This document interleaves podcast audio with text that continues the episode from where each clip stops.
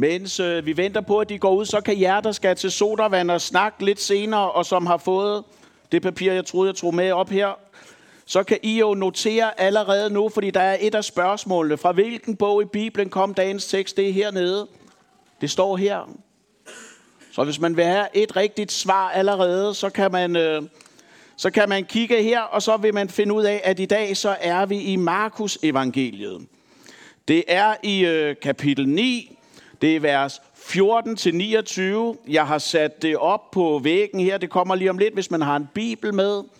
Det er, så er det side 906, hvis det er sådan en bibel, der matcher min. Og vi vil rejse os op og høre, hvad der står i Jesu navn. Da Jesus og Peter og Jakob og Johannes kom ned til disciplene, de har været op på forklarelsens bjerg, så de en stor skare omkring dem, og nogle skriftkloge, som diskuterede med dem. Hele skaren blev grebet af ærefrygt. Straks de fik øje på Jesus og løb hen for at hilse på ham. Han spurgte dem, hvad er det, I diskuterer med dem? Og en fra skaren svarede ham, Mester, jeg har bragt min søn til dig. Han er besat af en ånd, som gør ham stum. Hvor som helst den overvælder ham, kaster den ham til jorden, og han froder og skærer tænder og bliver helt stiv. Jeg sagde til dine disciple, at de skulle drive den ud, men det kunne de ikke. Der udbrød Jesus, du vantro slægt, hvor længe skal jeg være hos jer? Hvor længe skal jeg holde jer ud? Kom herhen med ham. Så bragte de ham hen til Jesus. Men da ånden så ham, rev og sled den straks i drengen. Så han faldt om på jorden og lå og frode og vred sig. Jesus spurgte hans far, hvor længe har han haft det sådan? Han svarede, fra han var barn. Og den har mange gange kastet ham i både ild og vand for at gøre det af med ham.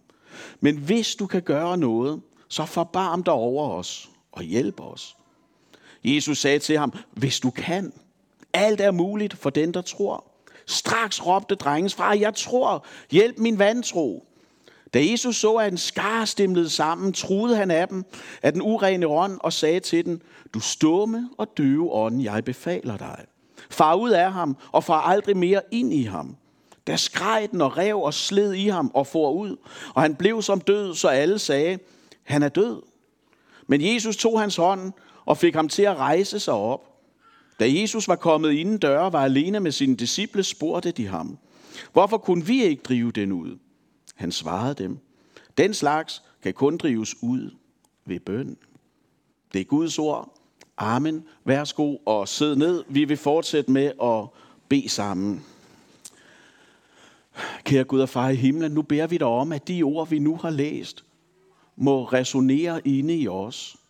At de må give mening. At de må betyde noget for os.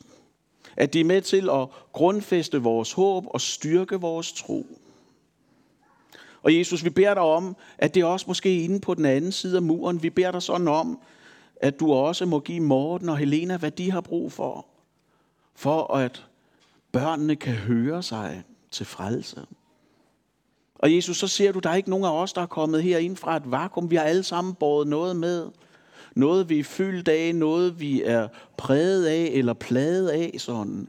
Jeg beder dig om, at du må komme og give vores tanker hvile, vores sind ro, så vores hjerte kan være åbent for dig. Så du kan drage ind og sætte dig på vores hjertes trone. Det beder vi om, at det måske herre. Amen. Se, øh, nu ved jeg ikke, hvordan I som sidder her har det med opvaskemaskiner, om det er noget, I gør det i. Vi har en derhjemme, og det er virkelig godt, fordi næst efter internettet og bilen, så er det nok det, vi har allermest brug for derhjemme. Fordi vi er jo formelt set en familie på fire, men... Øh, med, eller fem, det er fordi Astrid er på efterskole, og så Ibens kæreste er der tit, så vi er fem alligevel. Og det betyder jo, vi fylder den nærmest én gang om dagen, og nogle gange, hvis det går højt, så også to.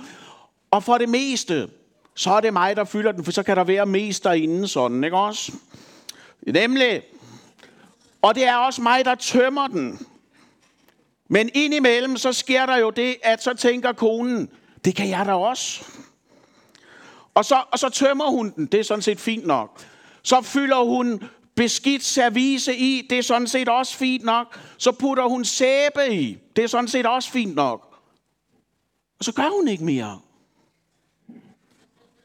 Og så kommer man derud lidt senere og tænker, nok jeg vide, om den er færdig, og så ser man, den er jo ikke engang begyndt.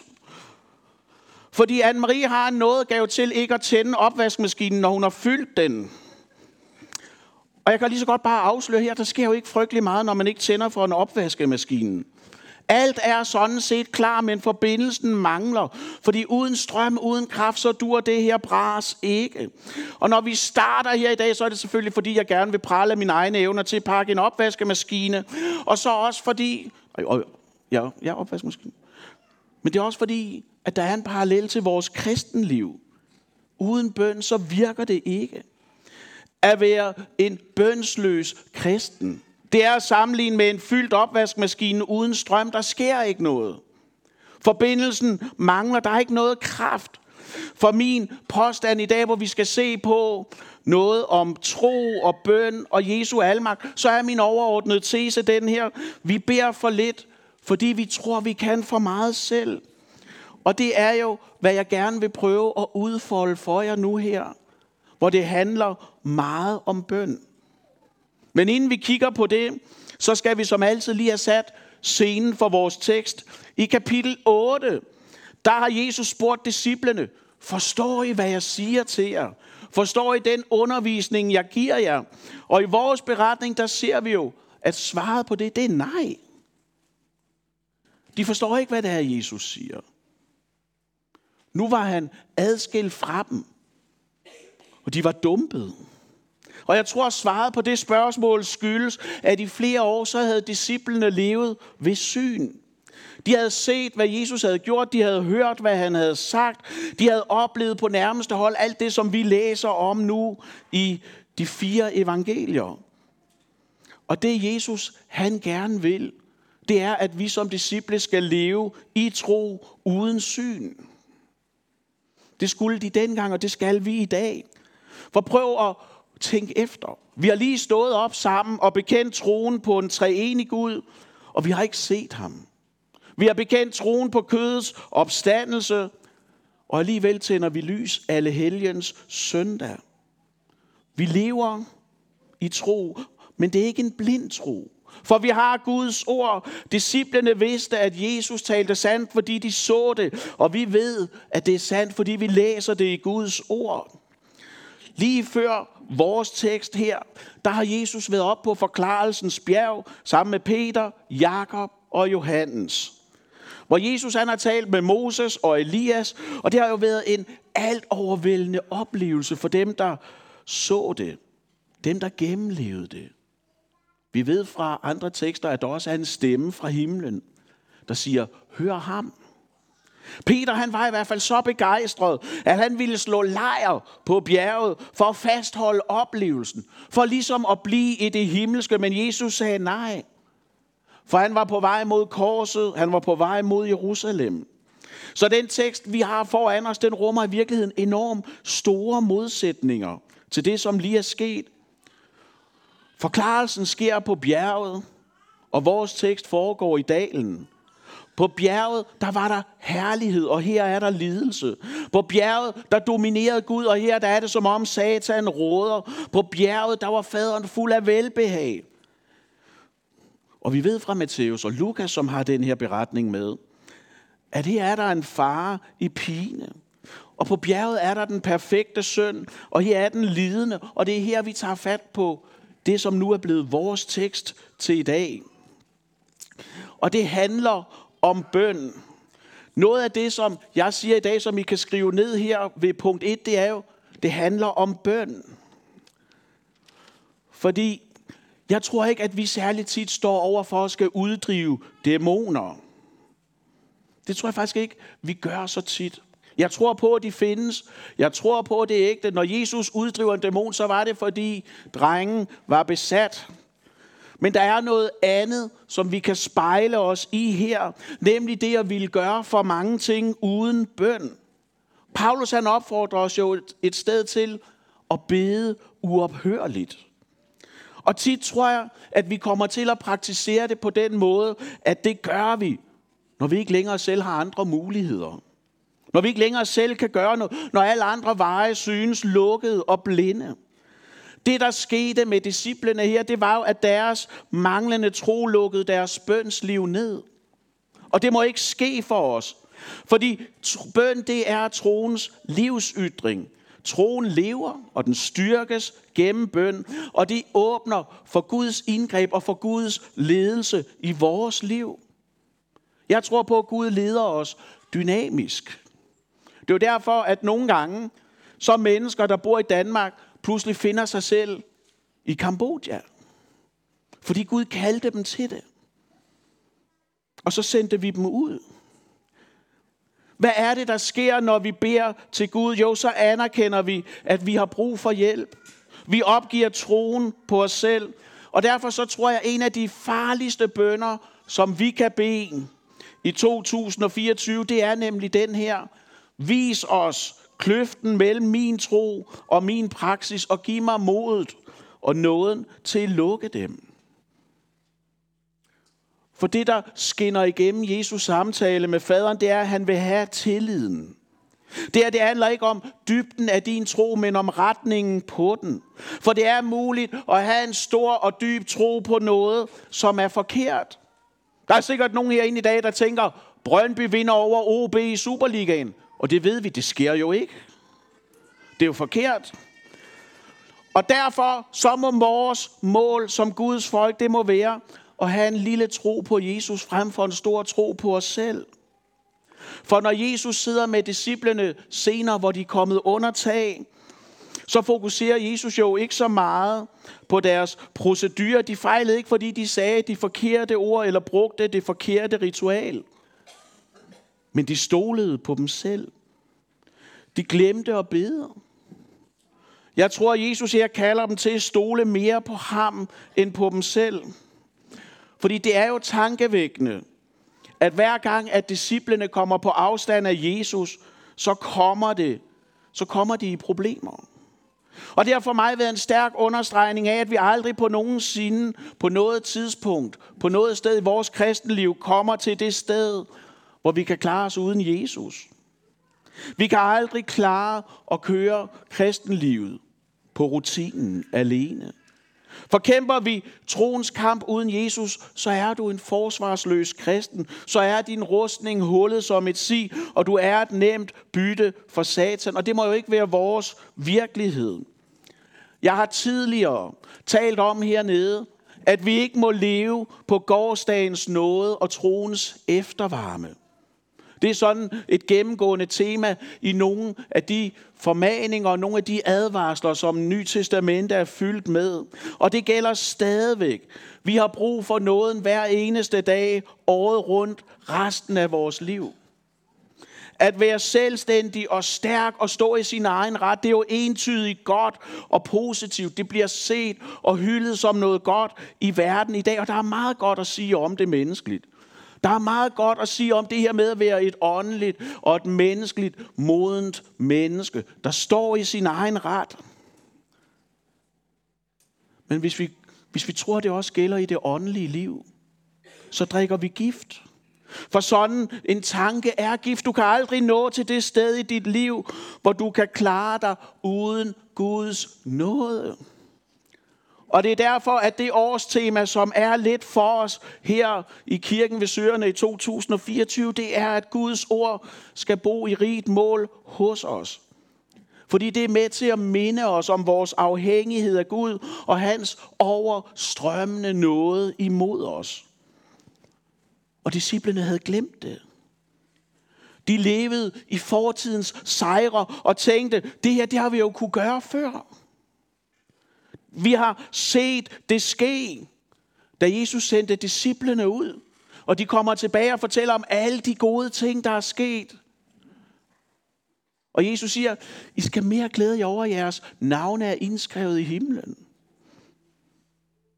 Jeg tror, de var forblændet af gårdsdagens sejre de tænkte, vi har gjort det før, så kan vi vel igen. Og så lærte de på den hårdeste måde, at det er kun Jesu navn, som er navnet over alle navne. Dengang som i dag. Og jeg tror jo, at konklusionen må være, at hvis vi tager øjnene lang tid væk fra evangeliet, holder øjnene væk fra det i lang tid nok, så glemmer vi, hvordan det ser ud. Så glemmer vi, hvordan det lyder. Så glemmer vi, hvad for en kraft og trøst det giver i hverdagens kampe og slid. Og det er derfor, at Guds ord må bo i rigt mål hos os. For det er selve modgiften i det, som jeg har valgt at kalde for selvstændighedens frafald. Jeg har skrevet lidt om det i forberedelsespapiret. Jeg vil gerne sådan prøve at uddybe det nu. Og hvis I har den her skemabørn, der skal ind sådan, hvad for ord er svært at forstå, så kan det være selvstændighedens frafald. Det er virkelig langt at skrive. Det er måske også svært at forstå, men jeg prøver nu. Fordi hvad er den farligste synd i den kristnes liv? Hvad for en synd er den farligste? Er der nogen, der har et bud på det? Du er praktikant, Jonathan. Hvad er den farligste synd? Hvad er den farligste synd i Bibelen? Du må godt, øh, du må godt vente om og spørge Karsten og Gitte, der sidder bagved. Den farligste synd i Bibelen, det er den, du slutter fred med. Nogle gange så tror jeg, at folk tænker, at, at, at det åndelige frafald, som Bibelen advarer imod, det er noget, der kommer som en lavine. Det er noget, der har enormt stor hast. Det er noget, der er enormt ødelæggende på kort tid. Det sker næsten i samme øjeblik, som man blinker med øjnene. Sådan tror jeg, at, at mange kristne tænker frafaldet. Det ligner en lavine. Det er hurtigt, det er voldsomt. Og jeg er sikker på, at der sikkert, hvis vi kigger kirkehistorien igennem, er eksempler på det. Det gør der sikkert. Men så er det undtagelsen. Fordi hvis vi skal beskrive, hvordan at selvstændighedens frafald ser ud, og hvad for en hastighed det har, så ligner det ikke en lavine, men så ligner det noget ude fra Ølst, hvor, hvor jorden skrider. Det gør det langsomt. Jeg læste da, altså jeg ved ikke engang, om det skrider stadigvæk sådan, eller hvad. Det, vi er jo optaget andre steder nu.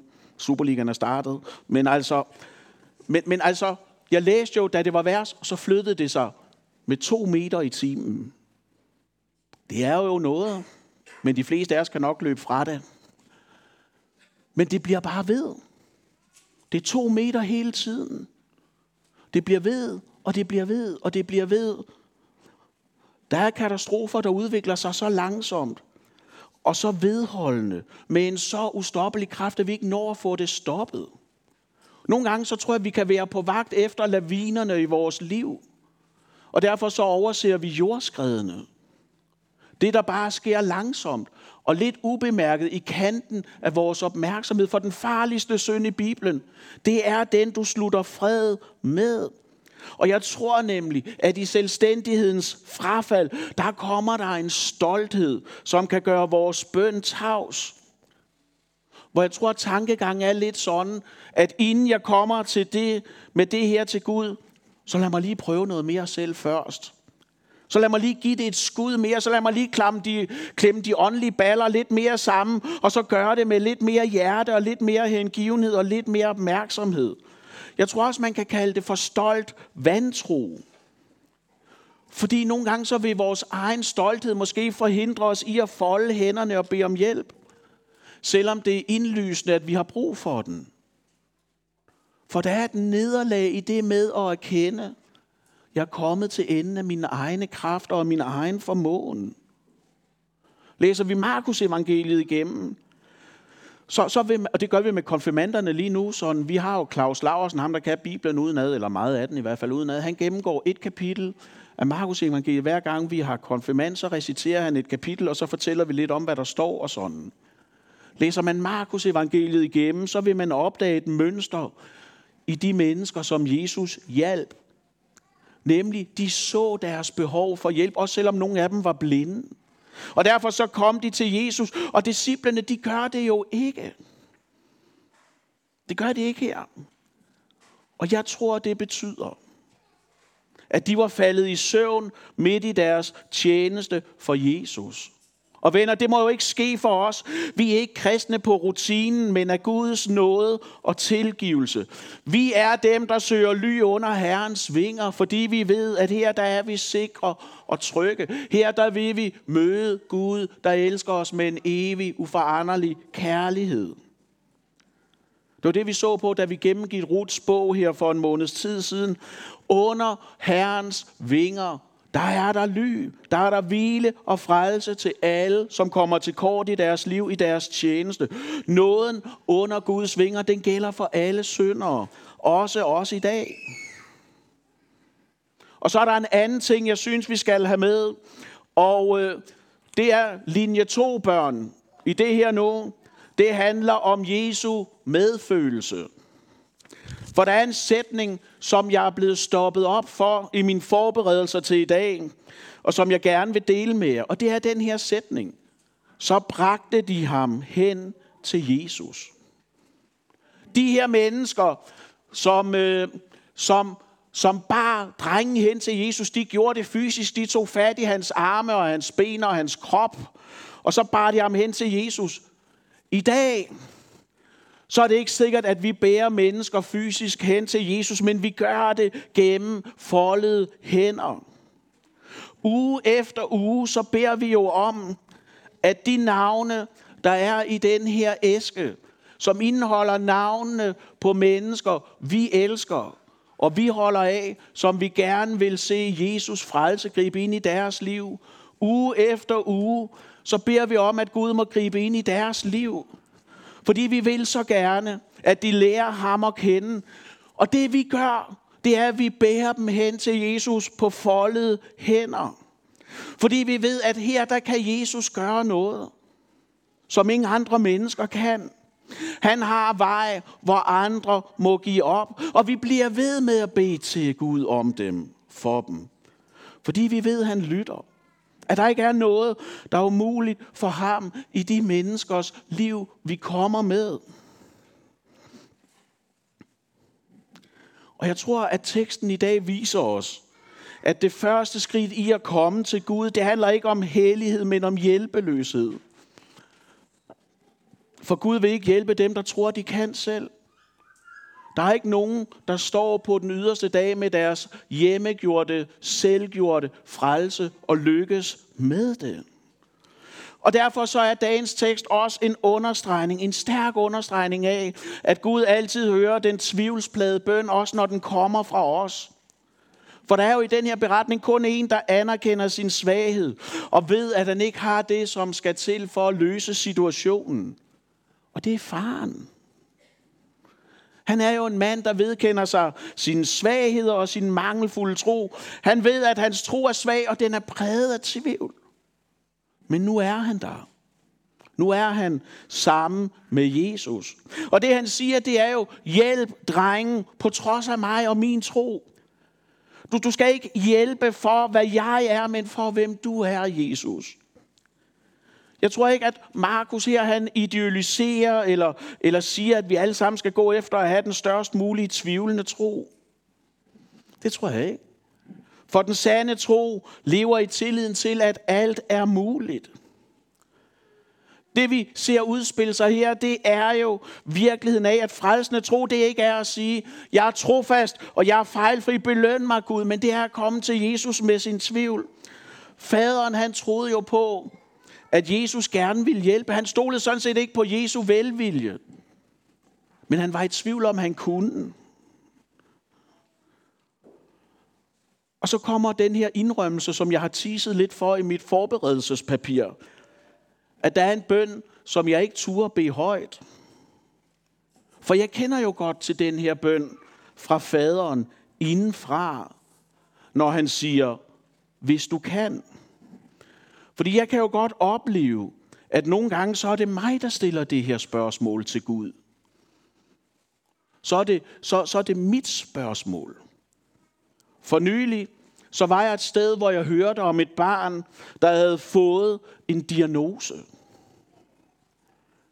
Og min første indskydelse, det var jo at bede om komplet og total helbredelse for det her barn. Det var den første indskydelse, jeg fik. Jamen det her, det må vi jo bede om. Det her, det er Gud jo heller ikke magtesløs inden i. Det var min første tanke, og jeg sagde den ikke højt, sådan at dem, jeg sad med, kunne høre det. Jeg bad, jeg bad for det. Det gjorde jeg, for det var en indskydelse. Og jeg bad for det inden i mig selv. Og jeg har siden lagt mig selv noget på analysebriksen og spekuleret på, hvorfor bad jeg ikke højt?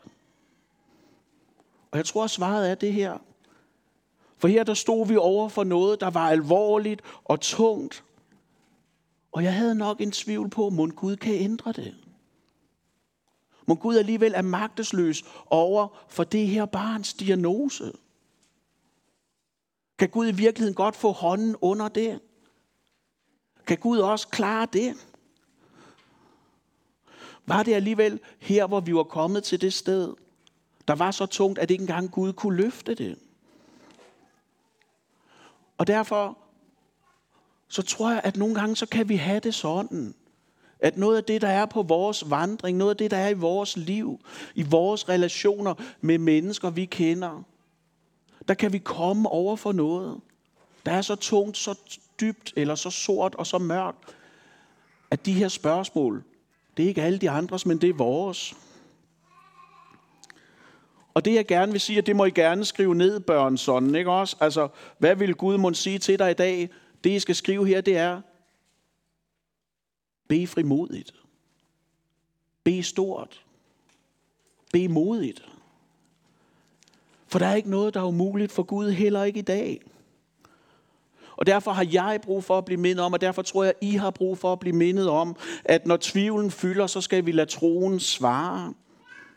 Jeg er helt med på, at det er ikke, det er ikke alle bønder, der bliver besvaret sådan, som vi kunne ønske os på den her jord. Det er det langt fra. Vi tænder stadigvæk lys alle helgens søndag, og vi besøger folk på hospitalet. Og jeg kan ikke altid forklare, hvorfor er det, at Gud ikke bare gør, som vi beder om. Den viden har jeg ikke. Der er noget, jeg ved, og det er, det er jo ikke fordi Gud har holdt op med at elske, og det er ikke fordi, at Gud ikke kan. Paulus han stod i en situation, hvor han tre gange fik nej i sin bønskamp. Hvor han ikke bare fik et nej, men også en forsikring og en forvisning om, at nåden er nok, også i vores magtesløshed. Men nogle gange er det måske også, fordi vi ikke tør bede.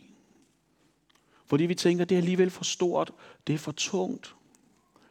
Og hvis Gud ikke hører min bøn, så bliver jeg måske skuffet.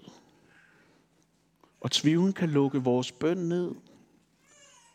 Og jeg tror, vi har brug for at blive mindet om at bede frimodigt til Gud. Lad, lad os komme til ham i alle omstændigheder, i alle forhold. Med alle de ting, som Gud ser er i vores liv og kender til. Og derfor så tror jeg jo, at bede, det er på mange måder at træde ind i nådens værksted. Og hvad er nådens værksted? Jo, nådens værksted, det er i virkeligheden bønkammeret, lønkammeret. Der, hvor Gud skaber det, som du ikke selv kan frembringe. Hvor det bliver naturligt at bede bønnen, ske din vilje. Man siger, at bøn det er den kristnes åndedræt. Uden den, så dør vi. Måske disciplene ville køre den hjem på rutinen. De handlede i egen kraft og lærte på den hårdeste måde. Det fører ikke nogen steder hen. De troede, de kunne selv. De troede for meget på dem selv og bad for lidt. Og så er det jo i den her sammenhæng, at Jesus stiller et meget, meget underligt spørgsmål til faren. Nemlig, hvor længe har han haft det sådan her? Og jeg har undret mig noget over, hvorfor stiller du det her spørgsmål, inden du helbreder? Som om, at, at tid var en afgørende faktor her. Og jeg har tykket noget på det. Og det jeg er nået frem til, det er, at Jesus spørger, fordi han vil høre faderens smerte. Fordi faderen er ikke kommet til en upersonlig kraft, men til et menneske, til en ypperste præst, der har medfølelse med os, som kan hjælpe og som har magten til at gøre en forskel. Det er derfor, at vi må bede frimodigt og stort. Fordi ham, vi beder til, sidder på tronen, nådens trone og han kan give os hjælp.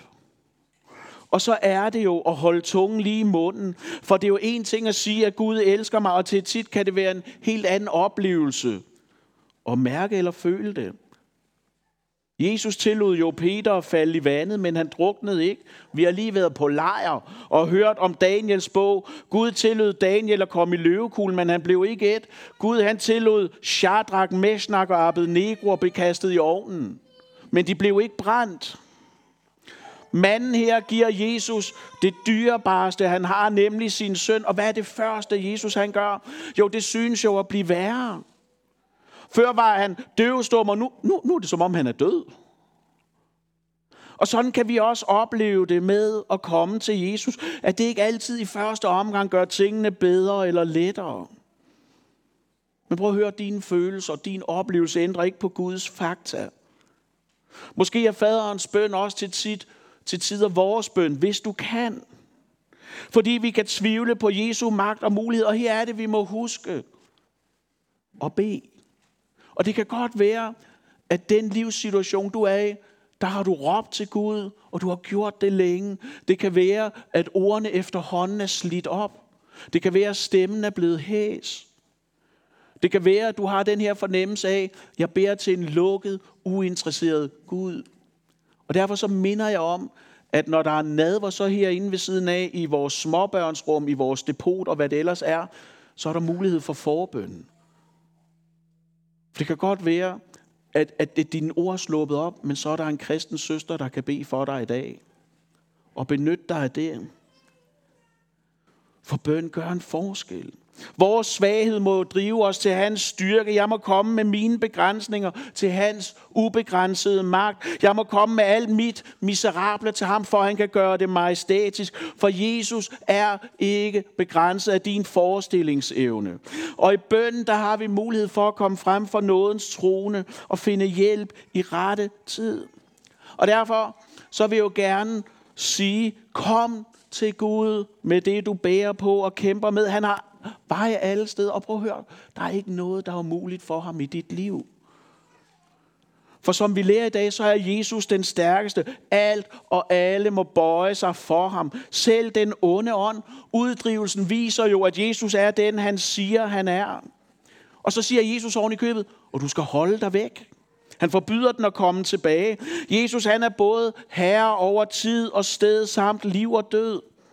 Og det, at Jesus udholder disciplene, det viser os alt om hans kærlighedsstyrke. For så langt som vi ved, så kostede det ikke Gud noget at skabe en fuldkommen god verden, som var så god.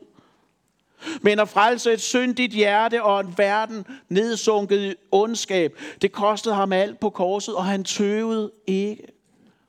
Og Jesus var lydig ind til døden på et kors, fordi han i bøn bøjet sig under sin fars vilje, og det er her, vi lander, og det gør vi nu. Fordi på korset, der siger Jesus ikke, far, som man ellers gør i evangelierne, men han råber, min Gud, min Gud, hvorfor har du forladt mig? Og svaret sidder her i dag. For hvis ikke Jesus var blevet forladt, så var du ikke blevet frelst. På forkralelsens bjerg, der er Jesus omsluttet af Guds herlighed. Men på korset er han forsaget, for korset er på samme tid simultant det sted, hvor Gud viser os sin utrolige kærlighed og syndens ondskab. Og det han gør, når Jesus går hen og rejser drengen op, det er, at han siger, at hvis du giver mig det mest dyrebare, du har, hvis du ser mig miste alt, så kan du fordele min sejr. For det er jo, hvad Jesu død betyder. Han mister Guds herlighed, for at vi ikke skal mødes af Guds vrede i paradiset.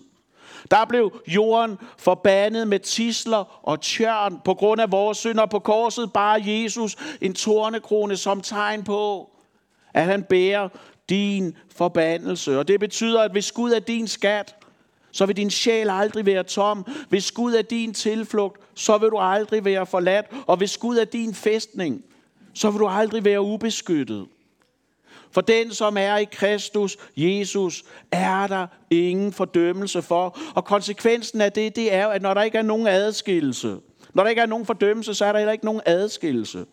Fordi også i dag, så er der ly under Herrens vinger for os, der kommer.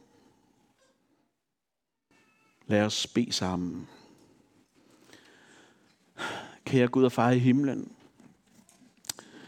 vi bekender for dig, at tit så er det os, der spørger, hvis du kan. Og derfor så beder dig sådan om, at du må vise din overvældende kraft også i os. Jesus, jeg beder dig om, at vi må få lov til at bede frimodigt.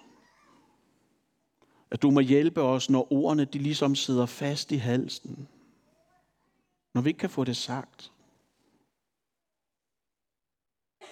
Og Jesus, jeg beder dig sådan om, at de mennesker, hvis navne er i æsken her på bordet, beder dig sådan om, at du må gribe ind, her.